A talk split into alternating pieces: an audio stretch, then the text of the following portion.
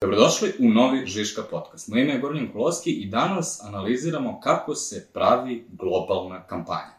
Za one koji nas gledaju, verovatno primećujete da nismo u našem studiju. Ova epizoda snimljena je u Kopenhagenu, gde sam ja na odmoru i kontaktirao sam jednog prijatelja koji trenutno radi na globalnim kampanjama za jedan veliki globalni brend. U pitanju je Igor Božović, Global Marketing Manager u Carlsbergu, koji radi na brendovima Carlsberg i Brooklyn Brewery. Igor i ja se naravno znamo iz agencije Executive Group, gde smo radili zajedno kao digital direktori, a danas Igor radi u globalnom timu koji servisira 40 tržišta na svim svetskim kontinentima. Možda ste videli na televiziji ili na billboardima kampanju sa Mats Mikkelsenom, gde on uh, pije Carlsberg i kaže probably, ovaj, to je kampanja na kojoj radi Igorov tim. A uh, danas smo razgovarali o tome kako se planira, kreira, producira i meri globalna kampanja, a onda zatim kako se lokalizuje i pričali smo o prednostima i manova, globalnog pristupa i lokalnog pristupa pravljenju kampanje. Uh, za vas koji ne volite kada ljudi pričaju engleski, uh, že onda nije dobra epizoda da poslušate zbog toga što Igor u svom dnevnom poslu jeli, radi na engleskom, tako da bi bilo veoma zahtevno da očekujemo od njega da uspe da prevede simultano, konstantno sve što govori. Um, ali na kraju to je poenta podcasta, da pričamo sa nekim ljudima koji su stručni, a ne nekim ljudima koji su navežbani za javni nastup. Ovo je takođe jedna od onih naših tehničkih marketinških epizoda, tako da u slučaju da ne radite u marketingu, proberite neke od drugih naših epizoda, a u slučaju da radite u marketingu i verovatno radite lokalno, onda ćete sigurno naučiti nešto pametno iz ovog našeg razgovora, što će vam pomoći ili sa stručne strane ili sa karijerne. Slušate Žiško podcast. Igore, dobrodošao u podcast. Bolje te našao. Reci mi, e, kako bi objasnio ljudima e, koji rade u Srbiji, koji uglavnom nemaju priliku da rade na globalnim kampanjama, šta znači praviti globalnu kampanju? Fuf, pa prvo znači da moraš da počneš dovoljno vremena unapred da bi mogao da se saglasiš sa svima koji će da imaju nešto da ti kažu za tu kampanju. Jer to znači da obično ne ne biraš jedno tržište za koje radiš kampanju, nego možeš da se saglasiš sa barem 5-6 velikih igrača u, u okviru tvoje kompanije koje će imati utice, ono, stakeholder management standardi, uh, koji će imati utice. To isto znači da uh, oni moraju da ti odobre sve uvide koje ćeš koristiti, moraju da ti odobre sve ključne poruke, benefite, legal requirements, odnosno sve pravne aspekte kampanje pre nego što uopšte kreneš da briefiraš agenciju. Zašto kreće nekako, to kreće poprilično napred, iz razloga što uh, to sve traje dosta, dosta dugo i zato što sam budžet produkcijski za tako nešto je toliko veliki da mora da se odobri na svakih par meseci ti moraš da odobriš faktički sledeći što mi zovemo gate, odnosno kako, je, kako koji gate otvaraš, tako dobijaš uh, fan, ja, novac da bi završio to što treba.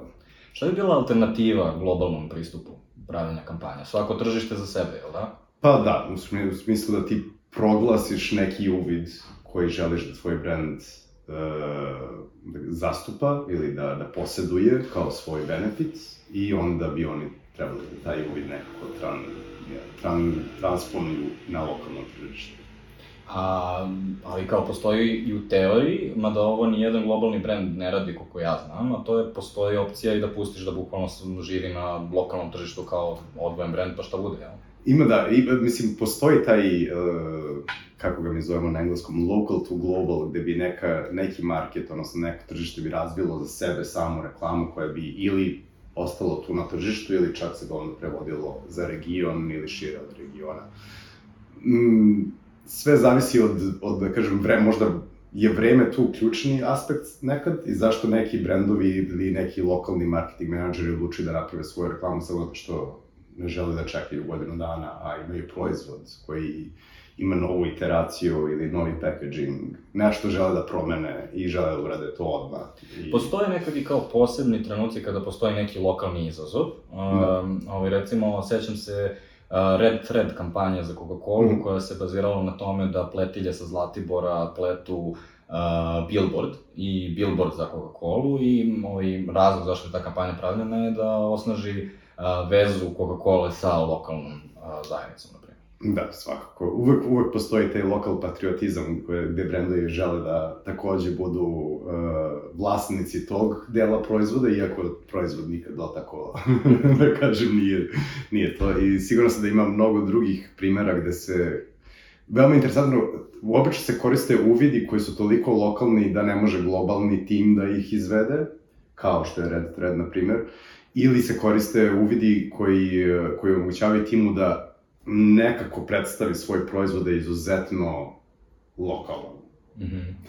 To zavisi od, od pozicije brenda, uglavnom, jer neki brendovi ne žele da budu lokalni. Čak ne žele da budu percipirani lokalni, dok s druge strane neki globalni brendovi kao što je Coca-Cola koja postoji 100 godina na tržištu ipak želi da pokaže koliko ona ili podržava lokalne, lokalno tržište ili koliko je bitna na lokalnom tržištu. Hajde da pokušamo da ljudima naslikamo koji su ovaj, možda samo potrošači, oni možda i ne znaju da su doživeli neke globalne kampanje.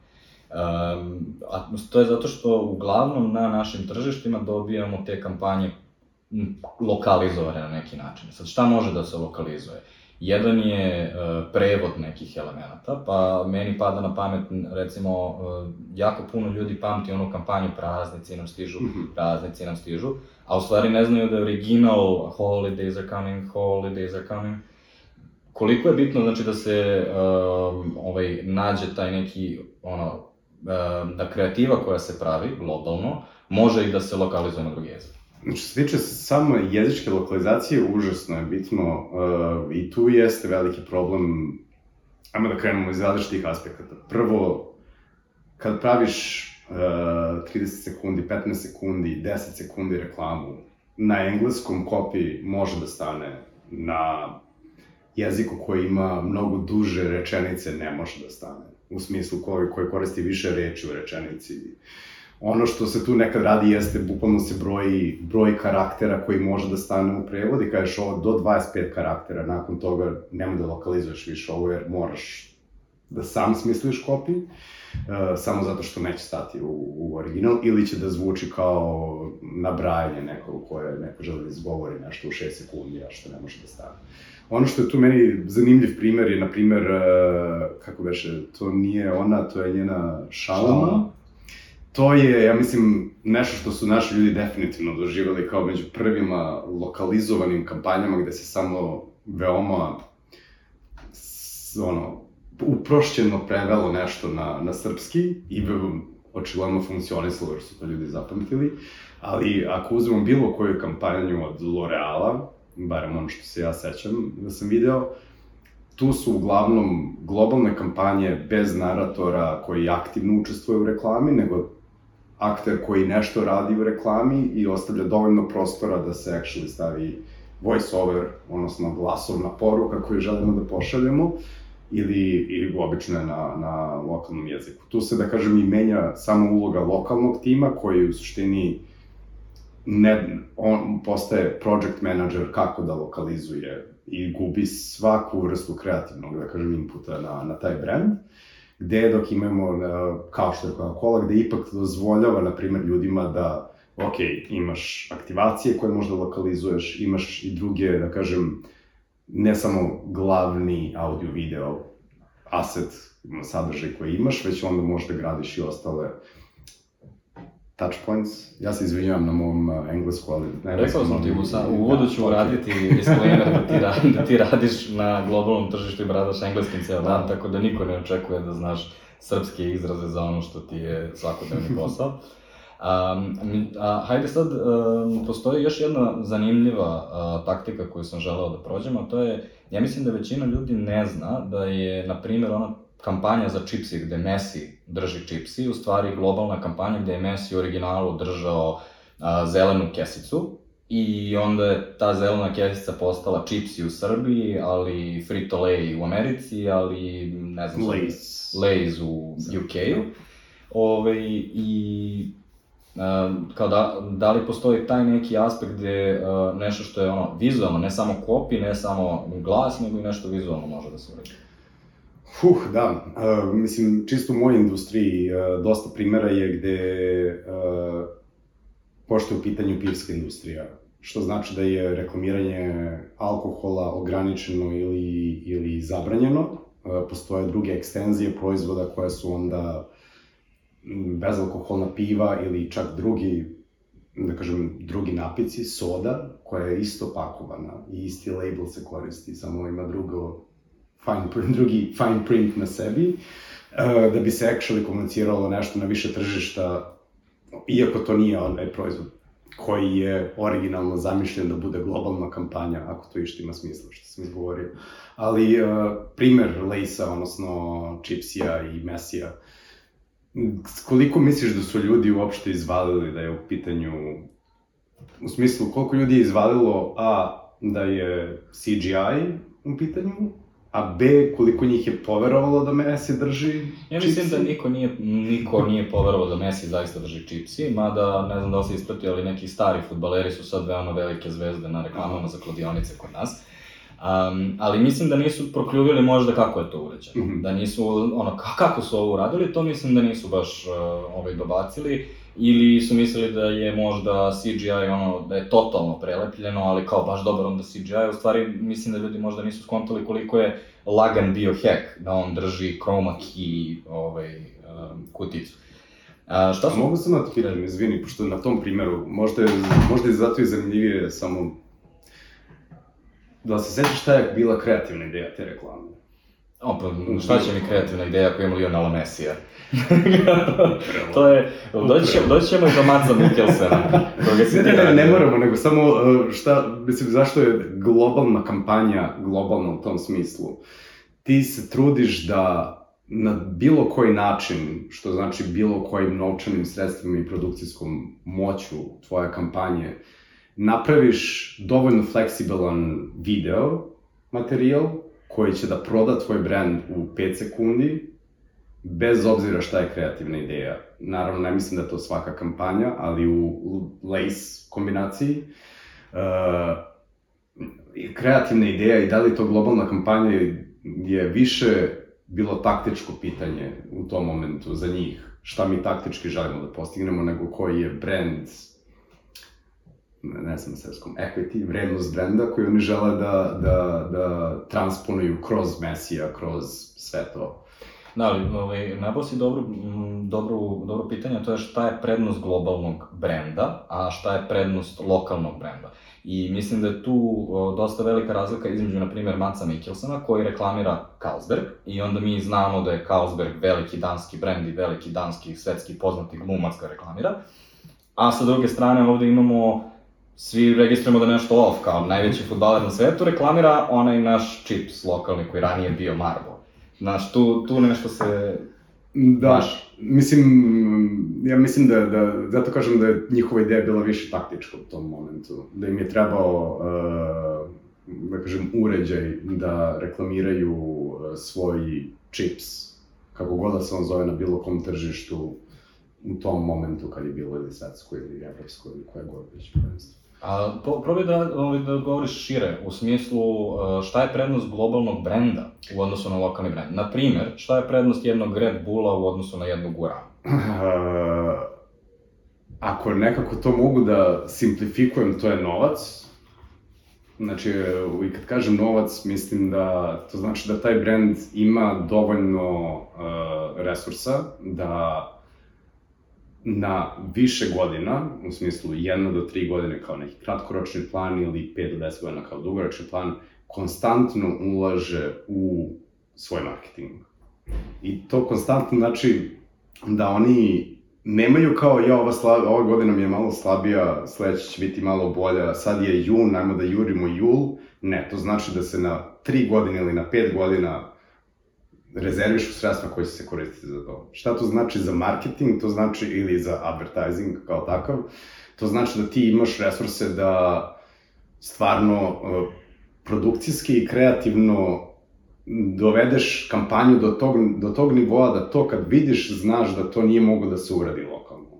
Da imaš 50 aktera u reklami, da imaš deset lokacija kojima se oni šetaju i rade nešto, što sve nekako manifestuje se kroz novac koji se uloži u tu kampanju. Ono gde tu dolazi, da kažem, šta je, šta je, ma, ma, kad uđeš malo dublje zašto, na primjer, neke kampanje rade, svi znamo da ljudi gledaju sekund, dve reklame, 3 sekunda, 6 ako ih YouTube natera ili 15. Uh, globalne kampanje u suštini omogućavaju da ti imaš veoma dobar uh, veoma dobro prepoznavanje kampanje onog momenta kad je vidiš. Znaš koje boje će se koristiti i koje boje taj brand koristi, ne u toj kampanji, nego u prethodnih 15 kampanja.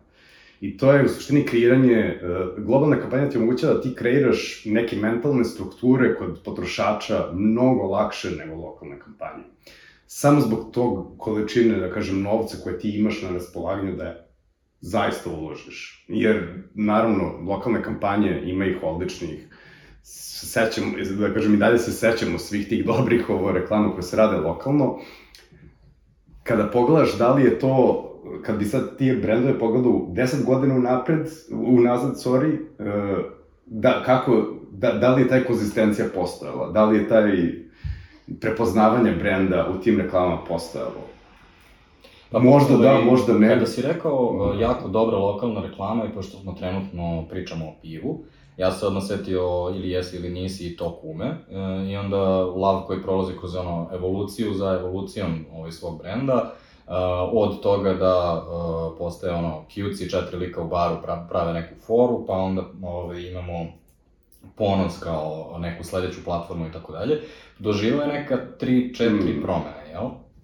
Ali da li je uopšte uh, to onda i uh, slabost velikih brendova, jer ako planiraš na 3 do 10 godina, onda ne možeš da zakačiš nove trendove i kada treba da se obrne. Mm, to je, to je uh, ne, neću reći veliki problem, ali definitivno je problem. Prvo, šta je za globalan brand trend koji treba da se ukači?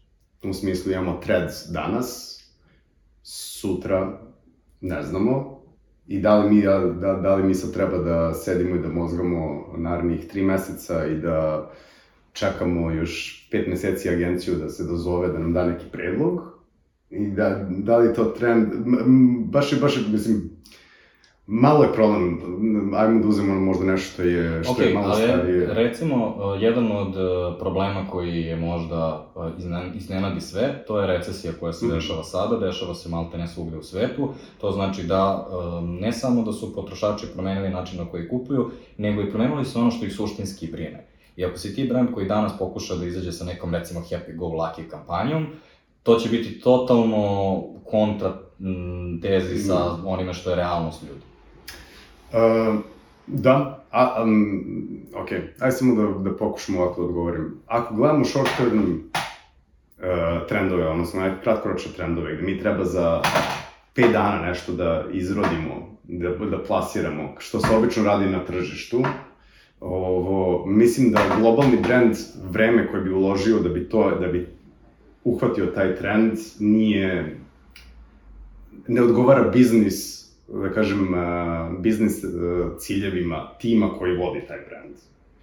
Jer tu, tu samo je vreme pitanje. Ukoliko želiš da radiš NFTs, for example, prošle godine, do momena dok ti dođeš samo do legalnog apruvala, odnosno do pravnog apruvala našeg advokata, kako se uopšte vodi NFT, NFT je već prošao kao trend i nikad više se, nadam se, neće vratiti u tom obliku, već u nekom zaista, kao, već u nekom zaista obliku koji nije scam. Uh, tako da, stvarno zavisi s tog sve strane pitanja. Kad su u globalni trendovi koji su mm, sre, srednjeg roka, dugog roka, kao što je recesija, svakako moraš da nekako uh, uzmeš to u obzir. Ali isto im moramo da imamo u vidu. Globalna kampanja ti kada je napraviš i isproduciraš i uh, završi se post-production, ti planiraš da ona bude aktivna barem 3 godine. Znači, kada gledamo prava za korišćenje, što se tiče aktera, muzike i svega osloga, 3 godine je neki minimum da bi se isplatilo uopšte ulaganje u to. Isto, tri godine je otprilike neki period ko, koji e, je potreban da ako imaš tri ili četiri talasa kampanje, zaista dosegneš 100% reach tržišta od tvoje target grupe i da je actually ti već postane zamorno ljudima da vide tvoju reklamu. Obično, mislim, da ne znam, obično za mene barem, pošto se lokalne kampanje prave u mnogo bržem maniru. Četiri puta godišnje, recimo. Četiri puta godišnje i isto tako uh, frekvencija kojom ti vidiš te reklame od uh, trafike, billboarda do, do interneta, to je ono, hajmo da spržimo sav budžet u četiri nedelje da bi bili sigurni da je naš share of voice, odnosno koliko, koliko smo mi izgurali druge brendove sa tržišta uspešan i realno ljudi se zamore od tih kreativa veoma brzo. Prvo, kreative nisu toliko hilarious zabavne kao što nekad mogu da budu globalne, mislim mogu da budu i lokalne, ali obično nisu samo zato što se to radi toliko, da kažem, malo industrijski.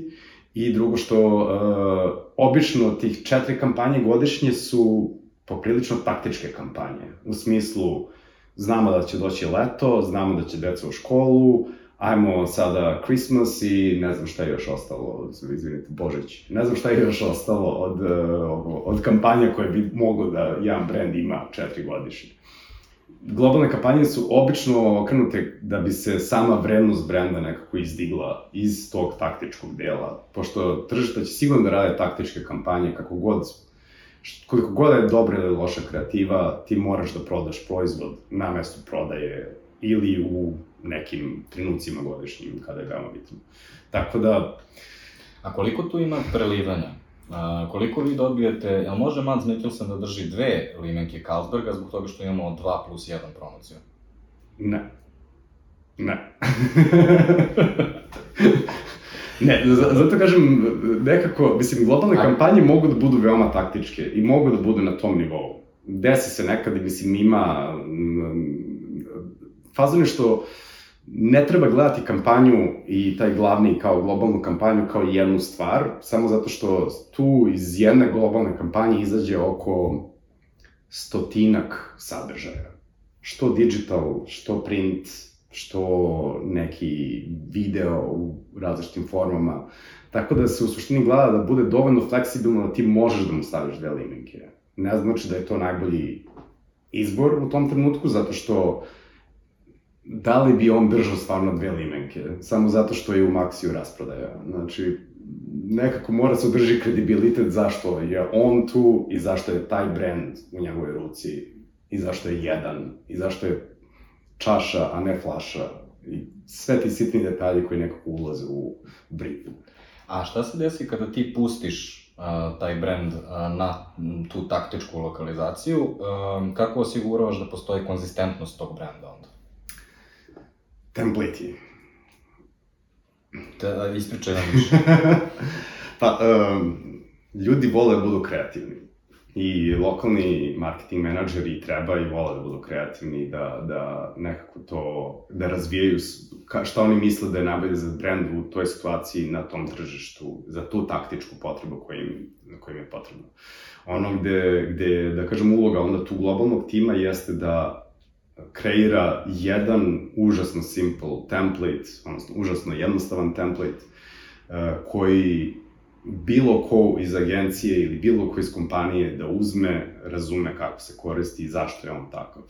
To je poprilično zeznut posao, pa, prosto je nemoguće napraviti, da kažem, takav, takav sistem, pogotovo u zavisnosti koliko je centralizovana kompanija i koliko drži sve u svojim rukama versus koliko daje svojim lokalnim timovima da nešto rade. Ali templates. Ali to je taj, uh, mislim, deo koji ljudi možda uh, ne osvešćuju da je deo rađenja globalne kampanje, to je koliko moraš da razmisliš o svim tim templateima, da ih uopšte osmisliš. Ne kao da uradiš taj template, nego šta su elementi template da. koji treba da budu. Da. O, mislim, to se zove key za ljude koji nisu u industriji, odnosno key visual, odnosno jedna, jedan vizual koji treba nekako da, da sažme ceo dizajn i ceo, celu politiku firme i brenda u jednu, u jednu stvar. Uh, šta je bilo pitanje? Pa pitanje je koliko, koliko ti vremena... koliko ti vremena odlazi na uh, kreativu zaista, a koliko ti vremena odlazi na to prokljuvanje, ono, koliko mi template-a treba za šta, koliko je rada ulaže, ulaže u to? Pa, uh, rekao bih da je možda čak i pola-pola. Znači, u smislu ti kada dobiješ od agencije neku kreativnu ideju i kada im odobriš tu kreativnu ideju i kada oni krenu da razrađuju šta će da snime, to je da kažemo, sada je lupam, šest meseci, od onog momenta kada oni su odlučili šta će da snime do momenta dok se to dostavi tržištima u smislu nekog toolkita sa svim down, downloadima koji mogu da postoje, to je nekih drugih šest meseci. Tako da, u suštini, dosta se vremena uh, ulaže u samu postprodukciju kampanje, uključujući sve template. Uh, tu postoji mnogo, mnogo, mnogo, uh, da kažem, izazova i takođe mnogo puta ti kažeš nije mi toliko bitno da ispoštuju ovaj template, više mi je bitno da iskoriste ovaj sadržaj. Ima različitih brand ljudi koji bi neću kažem kažnjavali, ali koji bi prozivali lokalne timove, kažu ga, ovo što si radio nije according to the brand. Nisam video da je to dobro za, za, za timove, samo zato što oni treba da budu dovoljno kreativni da, da actually naprave nešto novo i dobro za svoje tržište. S druge strane, uh, sama konzistentnost brenda mora da se očuva. Tako da, Uh, za jedan content kalendar ja imam oko 40 templata. U smislu, agencija ukoliko uh, ima i ole razumevanja šta je digital, na primer, ne, ne, ima zero, ima svu kreativnu moć da stavi šta god hoće u video ukoliko koriste templates.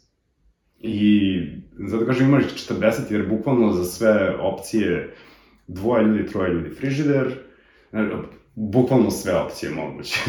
Nekako uzmeš i kao, aha, okej, okay. da li mi je lakše da ja napravim jedan template koji će neko da zezne posle dva dana zato što je već tri puta prebrisao fajlove u njemu, ili da mu kažem, ne, 30. juna koristi ovaj template jer je taj taj dan i želiš da koristiš taj template. Tako da je tu, da kažem, postoji, sve, sve zavisi samo od kompleksnosti, koliko ljudi žele da se, da se bave time, ali da. Sve što si sada pričao je onako um, super um, stručno, a ove, jednu stvar koju sam ja čuo um, ove, od ljudi sa kojima sam radio, koji su sa globala je jeftinije, manji su troškovi ako radiš globalno i ono, postoji ta igra između lokalnih agencija i globalnih agencija, mi smo ovo sme, sve smislili da, bi, da vi ne, ne morate puno da razmišljate, vi mm -hmm. samo upišite ovde. Jel misliš da to pije vodu? Hmm. Uh, ne bih rekao da postoji jedan e, način da se to, e, da se to izračuna, da li je jeftinije ili ne. Ako uzmemo, na primer, sad lupam cifre, ne, nemoj me, ne, nemojte me držati za reč, ali ako uzmemo da jedna reklama košta milion eura da se uradi na globalu i da košta 50.000 eura da se uradi na tržištu. Uh, ukoliko imaš 40 tržišta i svako od njih potroši po 50.000 eura, ti ćeš u suštini onda i svako njih na tih 50.000 eura će potrošiti sve svoje radne sate, znači ne samo fizička proizvodnja, da kažem, odnosno produkcija, nego i radno vreme koje se uloži, veoma lako dođeš do cifre mnogo veće od miliona. S druge strane, na primer, ukoliko je tržište dovoljno veliko da radi svoju reklamu, na primer UK, Engleska ima, da kažem, veliko tržište, ima dosta novca, sam tim, uh, bit će jeftinije njima, ali to znači da, kako kažem, bit će jeftinije njima, ali niko drugi ne može da koristi taj asset niko drugi ne može koristiti u kampanju. Znači, s, ukoliko pokušaš da to nekako recikliraš dalje, onda nailaziš na mnogo, mnogo, mnogo problema. Uh, jeftinije je isto samo zato što iz razloga ti imaš uh, ono što mi kao zovemo uh, novac koji koristiš za produkciju i novac koji koristiš za plasiranje. I ti na tržištu, kao što je Srbija, na primer, gde je 50.000 eura lupam sad, ali kapiram da je to neka cifra, da se proizvede neki ok sadržaj za, za TV ili za digital, uh, koliki je onda marketing budget, budžet, odnosno advertising, odnosno media budžet koji će da podrži taj video. I obično je tu malo vague koliko je onda zaista novca otišlo na proizvodnju kada računamo sve radne sate svih ljudi, plus taj novac za plasiranje koji bi mogao da bude veći ukoliko ne, ne praviš svoje reklame, nego uzmeš globalnu reklamu. A s obzirom da si ti bio sa obe strane, bio si i onaj koji lokalizuje kampanje i sada si onaj koji postavlja globalne kampanje. Koliko često si se osjećao ranije, dok si bio na, na strani lokalizacije, da je lokalizacija zahteva veći rad nego da si napravio kampanju od nule? Znači ti prvo dobiješ taj toolkit koji je jedna grozomorna prezentacija koja ima preko 100 slajdova, Ovaj, da bi ona radila na 40 tržišta, ona mora da pokriva sve, sve stvari koje postoje na različitim tržištima, koje tebi obavezno nisu neophodne. I onda ti, recimo, dobiješ neki globalni slogan koji zvuči super na engleskom, ali kad se prevede na srpskom, ovaj, baš ne radi. I onda ti praktično pišeš novi kopi, ali ne pišeš novi kopi sa zadatkom evo šta ja treba da uradim, nego imam veoma sužen uh, Kako da zadatak. da prevedem ovo da zvuči okej? Okay. Kako, ne, da, to bi bilo, da to bi bilo, ali mora i da, ali i pored toga mora da znači isto. Da. I mora da se naslanja na isti brief. On nekako otežava dodatno posao pravanja kreativa. Uh, slažem se, bio u mnogo situacija se to upravo desilo, gde treba da provedeš nešto što na engleskom je, ima dve reči i zvuči fenomenalno, ili tri reči zvuči fenomenalno, jer ima dva suglasnika u svakoj od tih reči i to je to. Sve što, kao, just do it. Uh, I sigurno kada ga prevedeš na srpski to zvuči katastrofa. Mm, Nisam siguran sada da li, mislim sad sa ove, sa ove tačke gledišta, mm, ono gde možda lokalni timovi mm, bi morali malo da zagrebu dublje, jeste analiza šta u stvari ljudi u reklamama primete, čuju, zapamte i kako to u stvari se odražava posle na da li ja želim ovaj brand ili ne želim ovaj brand i kako se kreiraju te konekcije između šta sam ja video na TV-u ili na digitalu, odnosno šta ja kupujem kada odem da kupim proizvod. Mislim da je tu uh, sigurno postoji, da kažem, stvar sa, sa lokalnog tržišta gde ljudi kažu ja ne razumem šta mi ova reklama priča, ja ne razumem šta ovaj kopir znači na engleskom i još manje na srpskom kada ga prevedu. Apsolutno kapiram da tu može postoji konfuzija, ali isto tako mislim, mi znamo ukupno možda 10-15 brendova gde mi actually znamo tagline tog brenda i šta on znači i obično nije na srpskom. Čak i ljudi koji ne pričaju engleski znaju za Just Do It, samo zato što je to toliko jednostavan kopi da se razume i da tačno znaš šta on znači, da ne moraš nikada da ga prevedeš. E sad, nadao si dobru poentu, da li je lokalizacija neophodna? Da li je Carlsberg probably ili je verovatno? Zavisi gde odeš.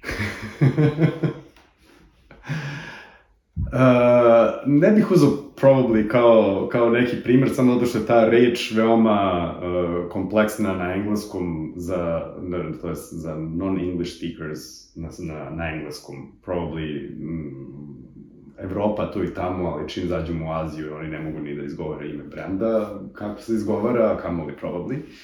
Uh, mislim da ako bi nekako skroz izdvojio uh, emocije i gledao samo brojeve, i gledao samo statistiku, na primer, koliko puta je neko video reklamu i onda radio analizu, koliko je ta, ta osoba promenila svoje mišljenje o brendu ili uvrstila brend u svoju prvu, drugu, treću odluku, kako god, mislim da nije neophodna lokalizacija ukoliko ti imaš dovoljno, ukoliko tu osobu dovoljno, imaš dobru kreativu i dovoljno puta izložiš tu osobu kreativi da ona upamti logo i kako izgleda proizvod.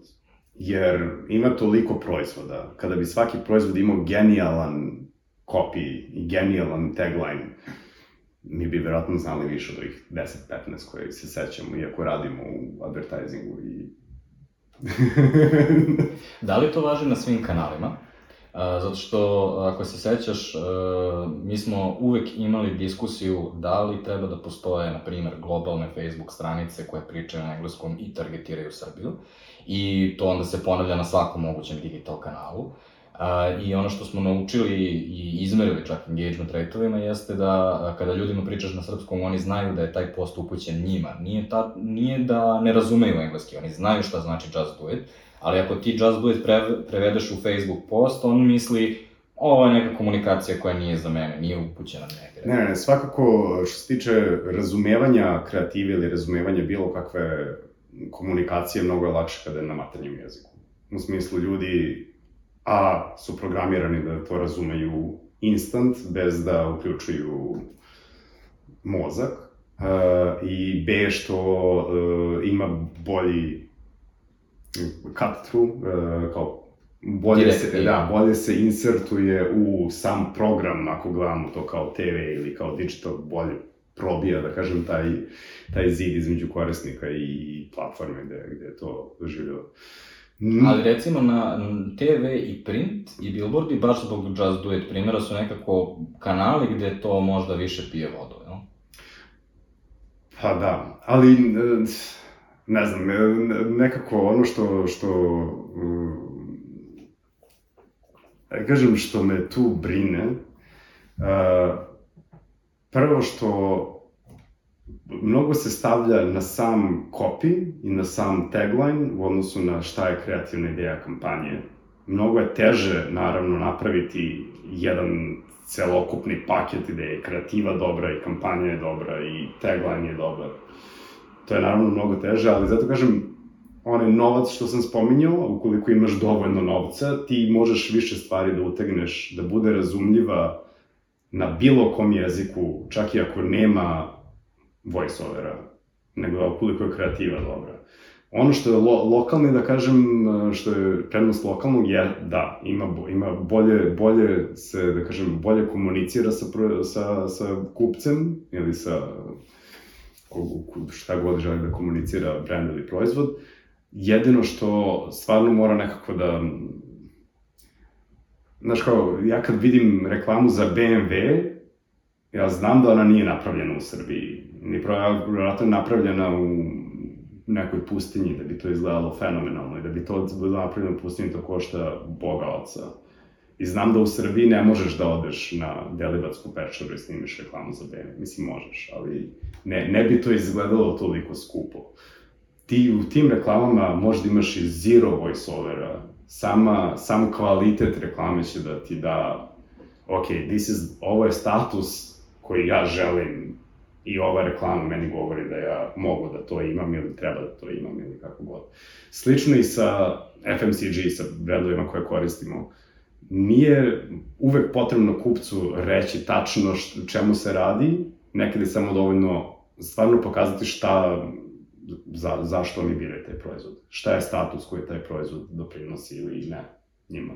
I to je, da kažem, obično globalni brendovi nisu brendovi koji, da kažem, taktičke kampanje brend, rade brendovi koji su fokusirani na, i timovi koji su fokusirani na, na kratkoročne ciljeve. Globalne kampanje su obično fokusirane na dugoročne ciljeve. I to je, da kažem, glavna razlika isto da li je pravoditi ili ne. E, Carlsberg ili Heineken će biti na tržištu narednih 150 godina, I ljudi uvek kad vide njih će znati šta je, bez, bez obzira ko, da kom jeziku pričaju. Bukvalno.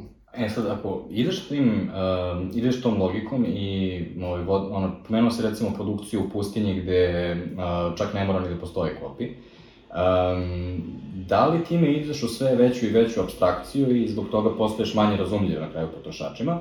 I, na primer, iz spijske industrije koji mi je blizak, tu je e, Newcastle Brown Ale, da li znaš za njihov No Bollocks kampanju, da. gde, um, to je primer brenda koji ne bih rekao da je globalan, mislim da je ono UK-based, možda regionalan, ali zbog toga imaju širinu da mogu da budu glasniji, da mogu da budu konkretniji, da mogu da kažu ono što drugi pivski brendovi ne smeju da kažu.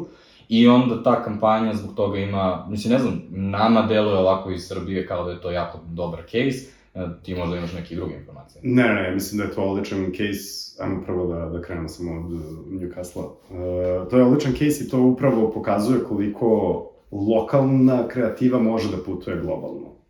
U smislu, s jedne strane, naravno, to je UK brand, obraća se na engleskom, zato ga razumemo, da je to pakistanski brand koji se obraća na uh, jeziku koji mi ne razumemo, koliko god da je dobra kreativa, nisam siguran koliko bi to putovalo dalje od Pakistana, ukoliko to ima smisla. Uh, tako da, uh, svakako postoji, da kažem, postoji tendencija da, da se radi takozvani uh, local top spin, ne znam kako uopšte da to prevedem, gde se, e, gde se veoma, gde se čovjek usresredi, a lingvistički na, jedan, na jednu zemlju, u ovom slučaju UK, Novolox, i B uzima jedan, jedan uvid koji je izuzetno bitan samo tom tržištu. I samo na tome, da kažem, samo tu radi top spin dok, dok, dok ne usavrši kampanju da može da ide dalje. U smislu da se, da se očiste svi uvidi dok ne postane univerzalni neki trud koji oni žele da komuniciraju. Non-bollocks je uh, za razumevanje kad je pitanje pivo. Pa da, ali ne možeš ga prevesti na srpski, ako Ne. bez ono, psovanja koje onda ne bi imalo tu konotaciju koju postoji da. u non-bollocks, jel da? Da. A, da li lokalizacija, um, da li globalni pristup može da bude pravilo? Ne znam da li si primetio, ali Coca-Cola nedavno um, uzela, ceo njihov pristup je da pravi globalne kampanje. Recimo Real Magic se čak ni ne prevodi na srpski, znači stoji kao Real Magic. Većina njihovih uh, TV reklama u, prethodnom periodu nema voice over, znači sve je radi na mute praktično što onda dodatno ima i benefit na digitalu, jer onda ne moraš da, da kombinuješ uh, titlove i ostalo. A, a svi um, billboardi koji se prave su, nemaju kopi na sebi, nego imaš uh, zaljubljeni par na plaži, između njih daska za surfovanje i oni se drže za jednu Coca-Cola, sad sam improvizao na primer, i imaš onaj zaokrugljeni novi logo i ispod je samo mali ispis Real Magic. Ne, oni to furaju sad već nekih ono 3-4 kampanje je, je taj vibe, pre toga je bila ova sa, sa gamingom, gde takođe imaš ono gamere, gamere koji gameju i kao tako četiri vinjete i onda to je ovaj ceo, ovaj, cela kreativa. Šta misliš o tom pristupu kao? Da li po pravilu možeš da ideš na ono, no, global only? Uh, da, spomenuo se da li kampanje mogu da budu abstraktnije, da bi funkcionisale globalno u smislu da bi se onda da li se previše, da kažem, ovaj primer sa, sa Coca-Colom gde ti ne treba voice over, malo je triki uh, pitanje. Uh, samo iz razloga što uh, Coca-Cola je ogroman brand i mnogo im je lakše da stave svoj logo koji su malo izmenili da kažu ovo je nova kampanja.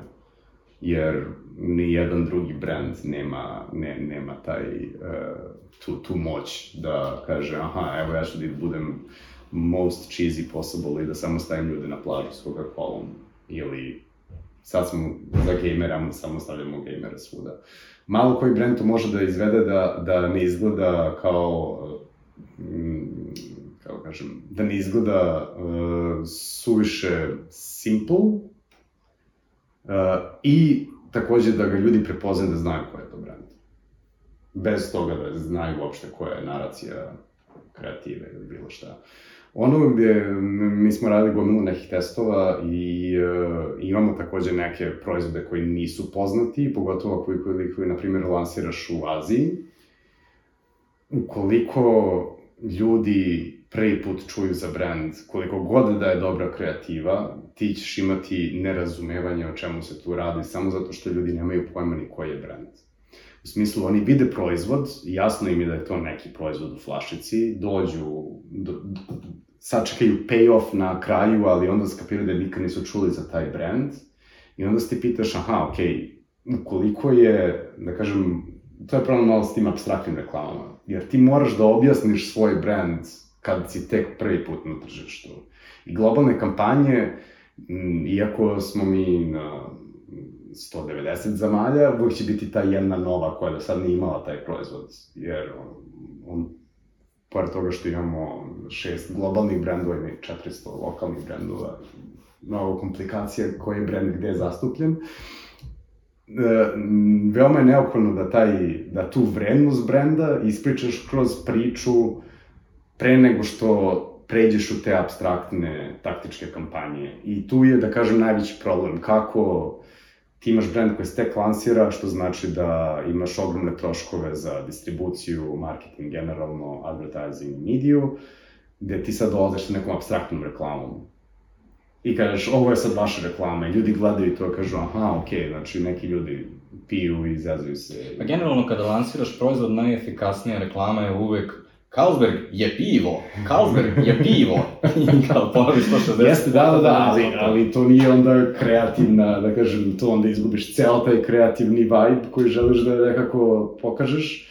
I zato kažem, uh, stvarno zavisi od, od starosti brenda, koliko taj brend je prepoznatljiv. McDonald's, iako na YouTube-u će da te non stop smaraju sa naruči McDonald's, doneće ti Volt za 15 minuta ili šta god, oni na, na, kažem, na povrh toga imaju 10-15 godina da su gradili u suštini samo, u poslednjih 10-15 godina, samo taj nek, njihov image novi ili novi campaign look like, how de, kako oni žele da budu uh, predstavljeni, samo da bi došao do tog momenta gde onda mogu da ti kažu naruči Volt. A, sve vreme pričamo o kreativi. Koliko strateški uh, globalna kampanja i globalni tim treba da postavlja stvari, na primer, promenuo sam sada je izašao Threads, uh, koliko je na uh, globalnom timu da bude u fazonu, slušajte za, na primer, Brooklyn pivo, s obzirom na našu target grupu i s obzirom na ovaj, koliko brzo raste ta platforma, mislim da ovo treba da bude fokus Ili za Carlsberg ovo ne treba da bude fokus, a kada bude prešlo na, ne znam, x korisnika, onda ćemo razmišljati o tome. To je samo jedan primer, kao razmišljam, znači, strateški kroz sve kanale koliko da. bi trebalo da globalni tim bude uključen. Fuh, tu, tu moraš da budeš malo uh, sneaky, moraš malo da, da nekad moraš nekome da podvališ. Uh, šta mislim kada to kažem? Uh, znači, u globalnom timu ima x broj ljudi koje ima x projekata koje vodi, što znači da ukoliko strateški nešto treba se uradi, se stvarno radi ozbiljno na tome, u smislu par meseci da se uopšte izrodi bilo kakav direction i bilo kakve direkcije, bilo kakvo, da kažem, istraživanje potrebno sa svih mogućih aspekata e, strateške odluke, da li su to uvidi, da li su to financije, da li su to istraživanja koje želiš da na tržištu, fokus grupe, I trebaš da budeš siniki da kažeš, aha, uh, najveći broj korisnika trenutno Treca je u Francuskoj, lupam sada, verovatno nije, uh, ili u Španiji. Trec nije dostupno još. da, da, da, znam, ali najveći broj korisnika je u Massachusettsu, uh, tim u Massachusettsu, evo vam uh, evo vam određeni resursi i evo vam neka početna ideja i ako vam treba još neka agencija da vam pomogne, razradite jednu ideju za taj thread. I onda u suštini, pošto e, je e, donositi strateške odluke koje ćeš sigurno samo globalno uvesti je nemoguća misija. Pristup koji si upravo pisao se zove pilot tržište, ali Da, da. I pilot tržište služi kao neki mali eksperiment koji ako baš uspe, onda ostali pokupe ovaj, to znanje. To je ideja. No. Koliko često se to dešava? Sve zavisi. E, na primer, aj, kažem u mom slučaju, ali kapiram da je to nekako, pošto mi imamo, kao što sam spomenuo, jednu kampanju godišnje faktički kojim se bavimo, da bi došli do te kampanje moramo da imamo neke learnings, odnosno neku, nešto smo naučili iz prethodne kampanje. Obično za prethodne kampanje onda koristimo 4 do 5 velikih tržišta da urade neki test, da li je to način na koji se radi medijska strategija, da li je to način na koji se radi uh, content strategija, uh, always on content, šta funkcioniše, šta ne funkcioniše, pošto je nemoguće gledati globalnu sliku svih društvenih medija, svih kanala na, na društvenim medijima, nego se, da kažem, 4 do 5 se bavi learning strategijom, i kada se, na primjer, plasira ili novi proizvod ili se plasira uh, neka ekstenzija proizvoda, onda se isto gleda, obično je ili uh, par dosta velikih tržišta ili neko tržište koje je u velikoj ekspanziji, što znači da, je, da ima potencijal da zaista dokaže da li nešto radilo ili ne. Manja tržišta su malo, da kažem, problematična samo zato što je tu verovatno saturacija, da kažem, tržišta poprilično velika, u smislu konkurencije. Nama su najveći problem lokalni brendovi, ako gledamo ko nam je konkurencija, tako da ako ideš na tržište gde imaju dosta jake lokalne brendove, koje je manje tržište, što znači da nema toliko prostora za, nema potencijala za rast, onda obično ne ideš na to tržište. I to se isto odnosi na, na kreativu. Uh, kad se radi kreativa, uh, rade se fokus grupe i testiranje kreative obično na 5 do 10 tržišta. Samo zato što nije da bi nešto ni naučio od toga, više da bi stakeholderima pokazao da će da to funkcioniše. Jer je nemoguće znati da li će globalna kampanja, kampanja raditi posao ili ne. Pomenuo si da ceo proces traje godinu dana, a da li možeš da poređeš ljudima šta su koraci u procesu? Da. Rekao si sad jedna stvar je testiranje na fokus grupama. Znači, u suštini se kreće od neke situacijone analize, naj, da kažem, nije tu ništa drugačije nego bilo koja druga kampanja samo traje. Situacijona analiza da bi razumeli uopšte šta je u narednih godinu do tri potrebno brendu da bi rastao. Šta je, šta, koji su parametri, ukoliko uzemo brand health tracker, odatle se izvlače par nekih aspekta, obično je to da li ljudi žele da kupuju ili ne žele da kupuju i zbog čega ne kupuju ili zbog čega ne biraju tvoj brand. Ajde, prvo, šta je brand health tracker? Sorry. Uh, to je istraživanje koje se radi na svakom tržištu da bi se ustanovilo koliko populacije je upoznato sa tvojim brendom, koliko ga često kupuje, koliko često se odlučuje za taj brend u odnosu na konkurenciju i koji su, da kažemo, aspekti brenda, u smislu da li je to brend koji predstavlja neki prestiž ili brend koji predstavlja neki uh, lagano piće za plažu, bukvalno za, svaki brend ima svoj neki set, uh, par nekih uh, stvari. Da li možeš da daš ljudima primer nekog brenda iz Galper portfolio? Kao, kako, šta je zaključak koji dobijem iz brand health trackera? Uh, hajmo da pogledamo Tuborg, pošto je možda on uh, u Srbiji lakše da se, da se razume jer je veći brand, ali gledali bi, na primer, koji je total awareness i unaided awareness, i aided awareness, sada prevedem. Total awareness je prvi put, ču, to jest čuo sam nekad za brand, uh, unaided awareness je... Uh, koja piva znaš? Koja piva znaš, Tuborg, Tuborg na prva tri mesta, zavisnosti da dragač se boduje, da kažem, i treći je, uh, kada im pomognemo i damo mu listu piva, uh, oni kažu, imamo pet piva, jedno od njih je Tuborg i oni kao, aha, da, setam se, da i Tuborg isto znam. To je neki osnovni koliko su ljudi uopšte svesni brenda. Posle toga ide koliko, koliko često putuju, da, da kupuju stvari, da li kupuju jednom mesečno, jednom nedeljno, jednom godišnje ili ga ne kupuju uopšte.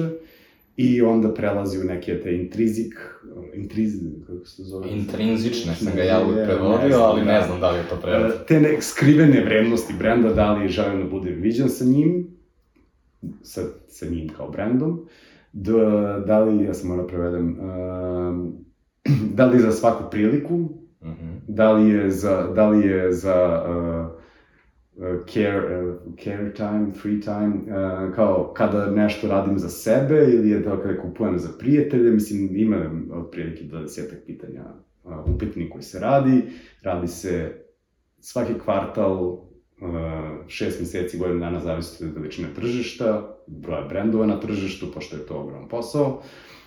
I iz toga se, da kažem, iz toga vidiš trendove koje tvoj brand ima, pogotovo u odnosu na konkurenciju na tom tržištu. Pošto se taj isti upitnik radi za svu tvoju konkurenciju. I sad kad imam te ovaj, uvide iz uh, Brand Health Trackera, šta radim dalje? Uh, postavljamo neki biznis cilj, cilj, odnosno šta želimo da postignemo kampanjom. Šta onaj ko, ko vidi 30 sekundi Mads Mikkelsona koji propada kroz rupu treba da skapira šta, šta želimo da komuniciramo. Uh, to je, da kažem, to je glavni, uh, glavni cilj kampanje, koji je onako mix biznis ciljeva i brand ciljeva. kad kažem biznis ciljeva, to su uglavnom prodaja, dostupnost uh, i, i mm, kako se to kaže, on and off trades. Uh, da, li, da li je nešto što, što želimo više da usmerimo da se konzumira u kafiću za više para ili kod kuće za manje para? Nakon te odluke se uh, prave, uh, se kre, kreira se cilj. Na osnovu tog cilja se definišu koje uvide želimo o našim konzumentima da imamo, o našim potrošačima da imamo. Da li su, konačno spomenu, da li su uh, trenutno, da li se trenutno troši manje para na brendove zato što žele da se čuvaju pare jer ne znaju šta će biti u budućnosti, da li biraju brendove koji su im više neophodni, a manje koji su za uživanje, da li pri odluki, odluci za brand znači nešto, da li je taj brand bio, uh, da li taj brand sponzoriše njihove događaje, dostupan u njihovim kafićima, dostupan u distribuciji. Znači, ceo taj aspekt oko kako oni biraju da kupe tvoj proizvod. Iz tih uvida se onda kreira, znamo šta želimo da postignemo, što se tiče biznisa, znamo što želimo da postignemo što se tiče samog brenda, kad se on koristi i kako se koristi, znamo koje su situacije u kojima će čovjek odlučiti da kupi naš brand i odatle se kreira jedan, ono što mi zovemo human truth, odnosno ljudska istina koja pokušava da, znači imamo business goal, imamo uh, business cilj, uh, imamo insight o, o brandu i imamo insight o konzumeru, odnosno uvid o konzumeru, kako on konzumira. I to onda pokušamo da nekako sažmemo u jednu i po rečenicu, koje kažemo, ovom kampanjom brand A želi da postigne bolji Ja možda setiš nekog primjera, kako ta, te sve, pošto delo mi nemoguće da se sve te tri stvari nabiju jedno. A, samo se setim, Uh, možda je tu Somersby poprilično lak primjer, zato što su oni lagan, lagan brand, i Tuborg isto u stvari, izvini, on mi to isto. Tuborg je, uh, ako gledamo uh, sa strane proizvoda, biznisa i konzumera, znamo da Tuborg je pivo koje će se konzumirati u baru, partiju ili u parku, znači to su nam occasions. Znamo da ljudi će da biraju Tuborg pre nego skuplja piva, zato što je ekonomska situacija se smanjuje, odnosno ne ekonomska moć se smanjuje potrošača. E, znamo da će ipak birati da izaberu Tuborg pre nego druga piva zato što je A inostrani brand, B podržava neke vrednosti koji su iz onih uvoda, uvida inicijalnih nekako uh, dovedeni. I uh, ako bi to onda bio biznis cilj, ne znam, nam, mislim, morat ću da adlib, pošto ne znam kako, kako actually zvuče u prezentaciji, ali bilo bi uh, nešto na uh, ljudi koji izlaze žele da imaju najbolji provod mogući, Tuborg je brand koji će mu omogućiti da imaju dobar provod bez uh, da potroše previše para full stop. Ok, dobro. I on to šutneš u kreativnu agenciju i magija se ne desi se magija, desi se šest meseci pakla, minimum šest meseci, nekad i duže. Ali onda, u smislu, piva su barem laka, moram priznati, jer šta sa pivom, šta kreativac uradi s tom informacijom kad, kad zna da je pivo, zna da treba da izabere da počne kampanju ili reklamu sa scenom koja najviše odgovara potrošaču koji će da kupi taj proizvod. Tuborg, kampanja će da krene bukvalno u supermarketu ili kiosku gde čovek uzima Tuborg. Sledeće što se desi jeste, u suštini, ti vodiš konzumera kroz, odnosno potrošača, kroz kako bi to, kako kažem, kako bi ta odluka da izabere Tuborg mogla njemu da, a, pruži uživanje kod kuće, na partiju, šta to, kakav vibe sve to nosi sa sobom. I u smislu tako ga prevodiš kasnije u kampanju i to traje i traje i traje dok uh, kreativac ne smisli šta treba da uradi u stvari. I to je znači proces koji traje nekih šest meseci, ali onda stvar nije gotova, onda tek prelazimo u produkciju, tako? Da. Onda uh, moraš da skapiraš na kojim tržištima će ti biti kampanja, moraš da nađeš sve aktere u reklami da ti odgovaraju koliko, što bliže tvojim finalnim potrošačima.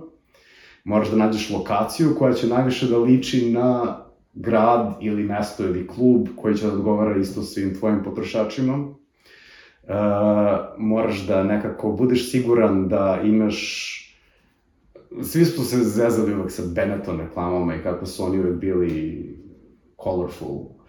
Uh, da, to, pa, to, to mora da se radi iz prostog razloga što ja kao u Srbiji možda neću uzeti celih 30 sekundi te reklame, gde možda ima nekih delova koji mi ne trebaju. Sigurno će postojati vinjete u okviru toga koji će funkcionisati za moj za moje tržište. Odnosno, tako se i, da kažem, i gradi kampanja da ti kažeš, aha, okay, ovo su mi top 5 tržišta, one će imati najveću prodaju i one će biti ti koji će da odlučuju u suštini ko su akteri u kampanji, kako to sve izgleda, gde je sve to snimljeno. Ali, isto, onaj koji radi kreativu mora da razume da će to sve da bude cut downovano u 6 sekundi i da tih 6 sekundi će za neka tržišta značiti više nego super nice video koji je 30 sekundi ili minut. I u smislu, da, odlučiš ko su ti akteri, smo tu stali. pa da, ja sam se setio da smo mi ovaj, koji lokalizujemo kampanju često najveći rasvesti, zato što jedna od stvari je kao ako imaš crnca kao zvezdu kampanje u Srbiji, to automatski nije relatable, odnosno ljudi se neće poistovetiti sa time I onda često je ono prva stvar koju naučiš kada dođeš u agenciji, kao biraj slike na kojima su ljudi koji izgledaju kao da su iz Srbije. pa da, mislim, to jeste psihološki bitno, ali je, da kažem, za, za potrošača i psihološki jeste bitno da se oni pronađu u svojoj toj kreativi. Jer ako nije njima relatable, neće, ne, neće se povezati sa kampanjom. Možda. Mislim, to je sada, da kažem, pitanje o, koje bi neko morao ozbiljnije da istraži. Ali, uh, definitivno, što se više trudimo da budemo, uh, da kažem, otvoreni ka diverzifikaciji aktera, više se izlažemo mogućnosti da to ne bude relatable za, za kampanju. Zavisi od brenda kako će se postaviti prema tome, Uh, mislim, barem što se tiče uh, Carlsberga, ili barem brendova na kojima ja radim, je apsolutno, uh, kako kažem, apsolutno je, je premisa da ne postoji dobar i loš a, pol, rasa, frizura, tetovaža, šta god da ulazi, da kažem, u biranje aktera. Tako da je tu uh, stvarno pitanje brenda, kako će se postavi i šta je, šta je njima Dobro, i izabrao sam modele, izabrao sam lokaciju, ovaj, imam svoj scenario i onda uh, š, pakujemo se za Paraguay, jel? Na primer, da. Negde se snima, jel? Negde se snima. Ta globalna kampanja. uh, koliko to obično traje? Nedelju dana maks. Četiri dana do pet dana. Ne više toga. I onda kad se završi postprodukcija, da li tada kreće lokalizacija, odnosno ta, šta se tada dešava? Mm, da, mislim, proces je malo drugačiji. Tržište uglavnom vide kampanju pre nego što je ona uopšte snimljena. U smislu, znaju otprilike šta će biti tema, znaju otprilike šta će biti copy, znaju šta će biti tagline i kako to ostalo, sve, sve što ide u kampanju. Tako da pripreme mogu da krenu pre same produkcije, e, što se tiče lokalizacije. Naravno, tu postoji da veliki posao finalna lokalizacija, odnosno pravo, prave izmene, i mi tu planiramo otprilike mesec do dva dana da je neophodno, što nije dovoljno, ali takav je ciklus.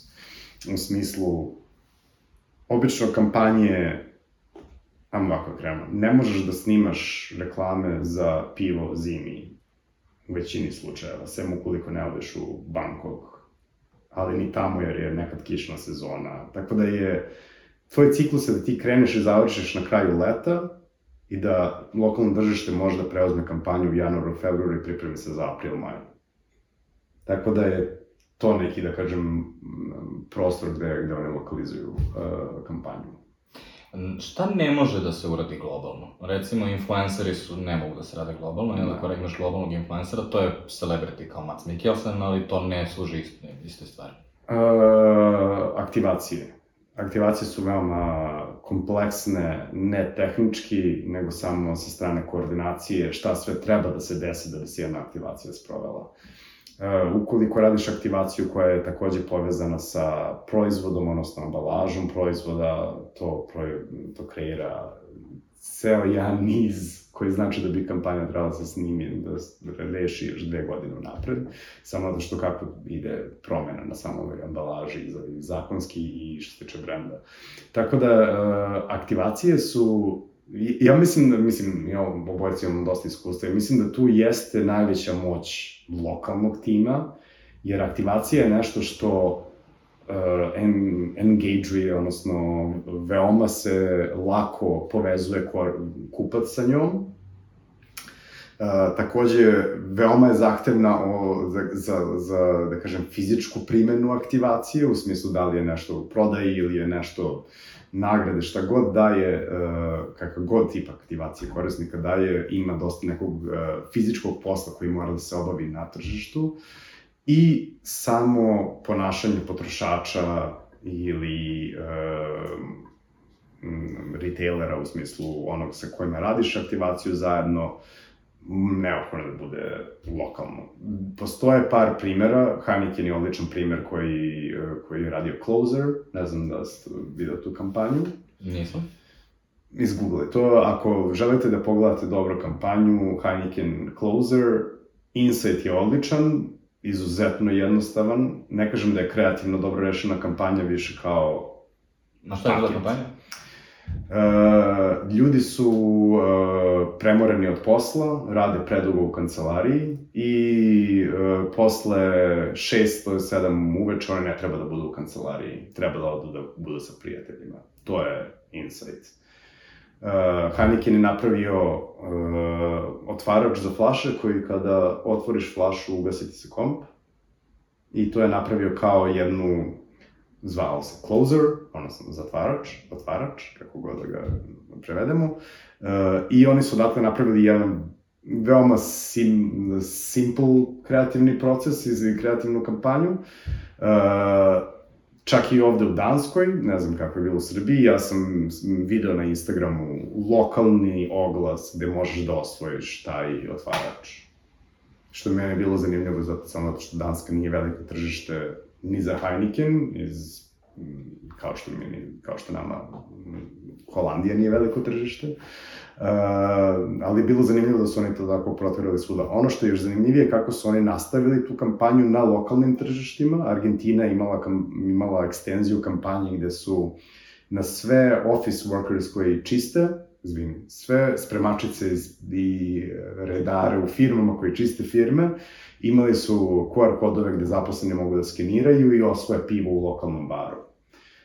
To ne može globalni tim ni da, da kažem, ni da zamisli, ni da predloži, samo zato što bi to, ukoliko bi to, na primjer, uradili negde u Evropi, neke zemlje bi bila ok sa tim da ti snimaš svoje ljude na poslu, neki ne bi bilo ok, promocija alkohola na poslu, mnogo nivoa koji se tu, da kažem, slaže jedan sa drugim, koji može se samo lokalno. I zato mislim da, da uh, lokalizacija definitivno always on content, odnosno sadržaj na društvenim mrežama ili, ili uh, ne samo društvenim, nego bilo kojim video platformama ili audio platformama, gde je izuzetno bitno da se uzmu lokalni uvidi u, u, u samu izradu sadržaja, to je samo što može lokalna agencija da uradi, globalno ne može. I recimo da smo sve to uradili i dalje nije gotovo. A, potrebno je sada da znamo šta smo uradili, da izmerimo uspeh. Kako se meri uspeh globalne kampanje? simplifikovano prodajom. Znači, koliko je, koliko je kampanja, spominjali smo Brad Head Tracker, njega svakako pratimo kvartalno, polugodišnje, godišnje, vidimo koji su trendovi, vidimo da li je tu bilo uspeha. Prodaja, odnosno koliko je zaista se prodalo proizvoda na kraju, veoma jednostavno i moram reći one agencije i oni, oni kreativni ljudi koji to razumeju suštinski, ne samo kažu da razumeju biznis ciljeve, nego suštinski razumeju biznis ciljeve kampanje i to dostave, tačno se vidi razlika u, u rezultatima. Medijska kampanja je otprilike, rekao bih, možda 70% uticaja na sam uspeh kampanje, samo zato što uh, kao što se spomenuo, ljudi vide sekund i po reklame, uopšte ne obraćaju pažnju ni na tagline, ni na šest meseci našeg posla pre toga, ali upamte brand u, tom, u toj formi koju mi predstavimo i to je, za to je zaslužena samo medijska strategija i medijska kampanja. Jer medijska strategija u suštini kaže ti nećeš dose, doseći 100% svog tržišta, nego ćeš doseći 50% jednom, tri puta ćeš doseći 30% i medijska kampanja u suštini tu da tebi daje taj incremental reach, u smislu da svaki put kada neko vidi kampanju zna da je ko je, ko je proizvod, šta, šta mu kaže kampanja, vidi dovoljno od toga, ne vidi samo um, skip next. I uh, faktički tu je, mislim, oko 70% uspeha. Kako analiziramo medijski uspeh? Je poprilično kompleksno pitanje, ukoliko bilo ko zna, nek mi se obrati. Uh, ali ako bih to simplifikovao, jeste uh, view-through rate, odnosno koliko, što se tiče ta, samog digital, digitala, uh, viewability, ne znam da li imamo reći. Viability ili? Viewability. Viewability. Mm -hmm. Da, znači tu koristimo uh, Mode, Oracle, koji nam u suštini kolektuje data sa svih tržišta i tu vidimo koliko je neka kampanja bila viđena, ne mislim samo na reach impressions, već koliko procenta svakog oglasa je viđeno. E, pokušamo da to napravimo u neki marketing model, marketing mix model koji nam daje malo više o nekom attention spanu ili koliko je brand, uh, koji je brand love, da li to uopšte znači nešto, današnje vreme, da, da, da, da uopšte postoji to još uvek, ali nam a, pokušamo da napravimo model koji nam kaže, aha, ok, kampanja je uspešna, globalna kampanja je uspešna, ukoliko na x broja tržišta je dosegla 50-60% target grupe, taj target grup je tako i tako reagovao što se tiče viewability, engagement, šta god želimo da, iz, da istražimo iz toga i vidimo koliko su bili razlika u rezultatima pre, posle, pre kampanje, posle kampanje što tiče prodaje i što se tiče brand health trackera koji prati tih 30 pitanja non stop. To je veoma stručan odgovor. A, um, ja, recimo, mi smo radili nedavno kampanju za devet tržišta, što nije global, ali u suštini je negde na pola puta po svojoj logici koju ste objasnila sada. Ali za, na ličnom nivou, ono, uspeh je bio kad smo dobili Uh, recimo, ta kampanja izašla u Albaniji i onda smo dobili kako je izgledao City Light u Albaniji i kao svi su high five u agenciji. Kao, šta je za tebe taj lični trenutak ono, uspeha koji doživiš? Mm. Sa globalne pozicije je to veoma teško uopšte i definisati. Uh, ja mislim da nisam video uživo ni jedan oglas, da tako nazovem, koji sam ja, na kome sam ja nešto radio. Uh, u smislu da nikad nisam bio targetiran njime, uh, niti sam... Uh, hm, moram priznam, za mene je tu više uspeh. Brooklyn, uh, Carlsberg uh, je veoma kompleksan brand, ime na vratima, kako mi kažemo u firmi. Znači, tu uh, uspeh je ukoliko, um, kažem, ukoliko brand stalno deliveruje na svojim biznis rezultatima i tu smo uspeli i to je fajn, nemam nešto previše duše u tome. Uh, što tiče Brooklyna, tu je zanimljivo samo zato što je to mali, mali brand sa 10-12 različitih proizvoda u svom portfoliju. I tu mi je, na, na najveći mi je, da kažem, uspeh kada odem u bar ovde u lokalu i vidim da imaju pivo koje je iz moje firme, a koje nije globalni brand koji se, ili čak nije ni lokalni brand, nego je američki brand, i imaju to i to, tu jednu varijantu koju ne može nađeš ni u jednom drugom. Samo zato što znam da je kogod je birao pivo za taj, za, za taj bar, actually znao šta bira u tom trenutku da stavi u česmu. za pivo. I mm, više mi je to nego da vidim kampanju negde, iskreno. Kao, znam da je negde uticalo to što sam ja se bavio nekim materijalima. Ove, Ovaj, za ljude koji uh, sada uh, završili su ovaj podcast, ali žele još malo da se uh, edukuju o ovim stvarima, šta bi im preporučio kao neko dalje istraživanje? Um, hm, definitivno um, Behance, gledajte brendove koji, koji vas zanimaju, gledajte šta kreativni ljudi iz industrije misle o tim brendovima tako što predstavljaju svoje radove. Uh, ima dosta dobrih primera ili kreativnih ili, ili dizajnera ili, ili ja, Behance. Uživajte. Uh, takođe, barem kako trenutno stvari stoje, na Instagramu zapratite sve moguće publishere koji se tiču kampanja, da li je to Adweek, da li je to Campaign, da li je to uh, više ne znam ni šta je živo od njih uh, još uvek, ali a ono što, što, da kažem, to omogućava jeste da nekada ukačete i kampanje koje nisu globalne i isto da ukačete kampanje koje nisu možda na vašem tržištu. Bože, hvala ti puno na razgovoru i na tome što si otvorio svoj dom, da možemo da snimamo u njemu. Nema na čemu, hvala. A vi, um, ovaj, ako vas uh, možda podcasti zanimaju kao način da se edukujete dalje o advertisingu, možete da na YouTube-u potražite playlistu Žiška o advertisingu, gde imate gomilu ovakvih tema. A ako želite specifično neku epizodu na YouTube ili bilo kojoj audio platformi, možete da pogledate broj 186, uh, Sharp vs. Kotler, gde um, Saša Ćirić i Peđa Ćirović objašnjavaju nešto što je Boža u jednom trenutku čak i rekao, si rekao mental availability, a to je u stvari teorija Byrona Sharpa o kojoj pričamo u epizodi 186. A ako vas zanima ovo um, diskutovanje odnosa između lokalnog i globalnog, to vam se dosta provlačilo kroz epizodu broj 165 o generacijama sa Sanjom Ćopić. Želim vam do slušanja, pošto podcaste niko ne gleda. Vi slušate Žiško podcast.